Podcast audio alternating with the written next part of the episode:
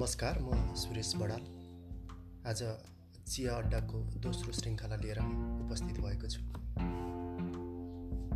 श्रृङ्खला यसरी सुरु हुन्छ।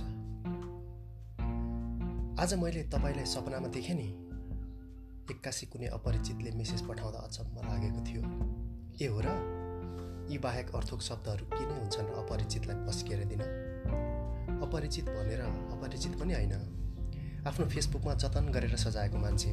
तर चिन्जान पनि त भएको छैन। आफ्नो असली नाम नराखेको स्त्रीलिङ्गी फेसबुक आइडी अपरिचित नै त हो नि। फेसबुकको भित्तोमा सधैँ देखिराखेको भनेर भो त।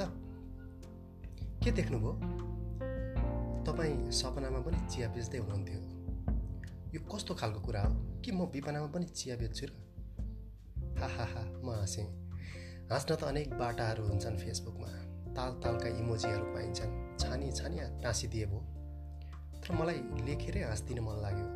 किनकि शब्दमा हाँस्नु भनेको पढ्नेहरूको कानमा दुरुस्तै आफ्नो आवाज गुन्जिनु हो। इमोजीको अनुहार त नमिल्न पनि त सक्छ। गीतै छ नि नाम गुम जाएगा चेहरा ये बदल जाएगा। मेरी आवाज ही पहिचान है गरी याद रहे। तपाईँ जति बेलै चियाका कुरा गरिरहनुहुन्थ्यो अहिले त चिया अड्डा नै खोल्नुभयो। त्यही पढेर हो वा केले हो? मैले त सपनीमा तपाईँलाई देखेँ। अनि कहिल्यै नबोलेको मान्छेसँग पनि बोल्न मन लाग्यो। कति मिठो कुरा। कसैको विपनीमै पनि जान नसकेको म कसैको सपनामा जानु कति रसिलो कुरा। के मलाई छोडेर गएकी उनी जो मलाई स्कुटरमा पछाडि राखेर काठमाडौँका सडकहरूमा कुदाउने गर्थिन्? उनको सपनामा पनि म पुग्छु होला त। पुगेँ भने यदि धेरै भयो नबोलेको भनेर फेसबुकको ब्लग खोलेर मेसेज गर्छिन् होला त। ल मानौ आफ्नै आइडीबाट बोल्न आफ्नै परिचयबाट भावनाहरू बताउन संशय लाग्यो अरे। अहङ्कारले दिएन अरे। के कुनै फेक आइडीबाट बोलाउँछिन् होला त? जसङ्ग भएर जसङ्गिए म। के यो कोरियन नायिकाको तस्बिर राखे कि निक्की नाम गरेको आइडी उनी नै हुन सक्छन् त? हजुर बिजी हुनुहुन्छ जस्तो छ। एनिवे तपाईँको चिया अड्डाको चिया मिठो थियो है। सपनामा पिएको अनि विपनामा पढेको पनि। ह्याप अ गुड डे यति लेखेर उनी ओझेल परिसकी छिन् मेरा हातहरू टाइप गर्नभन्दा पनि दिउरेमा उम्रिन ठिक्क परेको चियालाई कपमा खन्याउन व्यस्त भए। लकडाउनका कारण चिया अड्डाहरू बन्द छन्। घरैमा चिया पिउने बानी परेको छ। एकान्तवासमा बस्दा चिया अड्डाका हल्लाहरू ध्यान बिथुल्न आइपुग्छन्। उनका सम्झनाहरूले सताएर पुगेको थिएन र अब यो निक्कीको कौतलता थपियो। तपाईँको परिचय दिन सक्नुहुन्छ?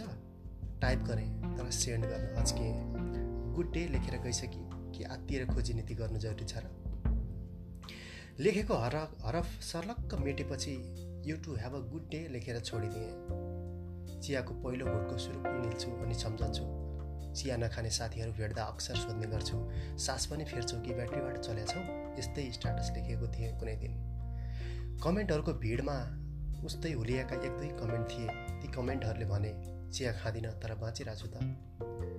कहिलेकाहीँ म सोच्ने गर्छु सामान्य कुरा लेख्यो भने धेरैले बुझ्छन् तर म गलत रहेछु।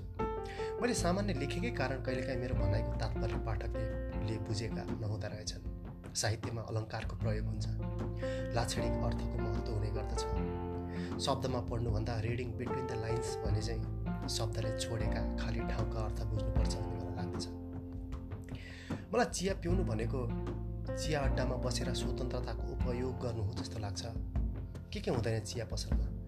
राजनीति समाज खेलकुद साहित्य सिनेमा यौनदेखि लिएर प्रेमसम्मका कुराहरू हुन्छन्। चिया अड्डाहरू संसद हुन् जहाँ सत्तापक्ष र प्रतिपक्षको वाद विवाद चल्ने गर्छ। चिया अड्डाहरू विश्वविद्यालय हुन् जहाँ सिद्धान्त र दर्शनका छलफलहरू पनि हुने गर्दछन्। चिया अड्डा सञ्चार गृह हो जहाँ खबरहरू सङ्कलन गरिन्छन् र सूचना प्रवाह गरिन्छन्। र कहिलेकाहीँ चिया अड्डाहरूमा बाहिर बताउन नसकिने भित्री चाहनाहरू पनि सङ्केतले नै व्यक्त गरिन्छ र अँध्यारा कुनाहरू खोजेर जाने गर्छन् दीर्घालुहरू। मलाई चिया पसल सधैँ स्वच्छन्द हुने ठाउँ जस्तो लाग्यो। चिया मेरा लागि स्वतन्त्रता समानता र लोकतन्त्रको उच्चतम प्रतीक जस्तो लाग्छ। चिया पसलमा कहिले यो को हो भनेर सोधिँदैन। यसलाई चिया फरक दिउँ भनिँदैन यसलाई मात्र अर्कै गिलासमा चिया दिउँ भनिँदैन आजकल गणतन्त्र आएर होला। हरेक चिया पसलमा अपारदर्शी चिनिया कपहरू प्रयोग हुन्छ। बरु उति बेलाकै चिया पसलहरू ठिक थिए। कमसेकम भारतीय काँचका गिलास नै भए पनि ती पारदर्शी त थिए।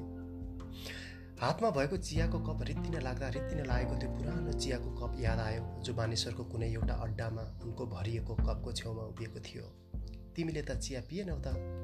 सोधेको थिएँ। पिएँ त दुई तिन घुटको। बाँकी नपिउने? हजुरले पिएको हेरेरै अगाए के यो फ्लड थियो उनको? निच्च हाँसेर उनका आँखाहरूमा हेर्छु। ती रसिला थिए न त जिस्के जस्तो न त मस्के जस्तो। एक सुरले हेरेर टोलाए जस्तो मानौ मेरा आँखाहरू कतै सुदूरको क्षितिज हो र उनका आँखाहरू दुर्बिन हुन्। निहालिरहेछन् मेरो नजरको गोधुलीलाई। जहाँ भावनाका गुलाबी रङहरू पोतेर भर्खर अस्ताएको छ एउटा एक्लोपनको घाम। तर मेरो एक्लोपनाको घाम आजकल जहिल्यै उदाइरहन्छ। बिहान दिउँसो साँझमा र रातमा पनि रित्तो कप हातमा लिएर टोलाइरहन्छु। त्यस दिन त्यसरी चिया खेर फाल्नुहुन्न भनेर मैले उनलाई झकझकाएर भनेका कुराहरू त्यसो भए तपाईँ नै पिएदिनु न त भनेर उनले भनेका कुराहरू। साँच्ची त्यो चुनौती थिएन बरु रहर थियो। सायद जीवनमा त्यति मिठो चिया कहिल्यै पिएको थिएन सेलाएको थियो चिसिएर तर्को खोला हालेको थियो तर त्यो चियामा उनका ओठहरू खसेका थिए त्यो कपमा उनका छापहरू बसेका थिए। माने मैले तपाईँलाई भनेकी थिएन उनले। उनको जुठो चिया पिउनु कुनै बहादुरी थिएन यो उनलाई पनि थाहा थियो। आत्मा नै उर्लिएर त्यो चिया पिउने रहर मेरो आफ्नै थियो। यो मलाई पनि थाहा थियो। तर कठिन नलागेको चिजलाई कठिन छ भन्नु साना साना कुराहरूमा पनि ठुला खुसीहरू खोज्नु आखिर यही नै त प्रेम रहेछ। भन्नेहरूले त जुठो खायो भने माया गाढा हुन्छ भनेर पनि भनिदिए।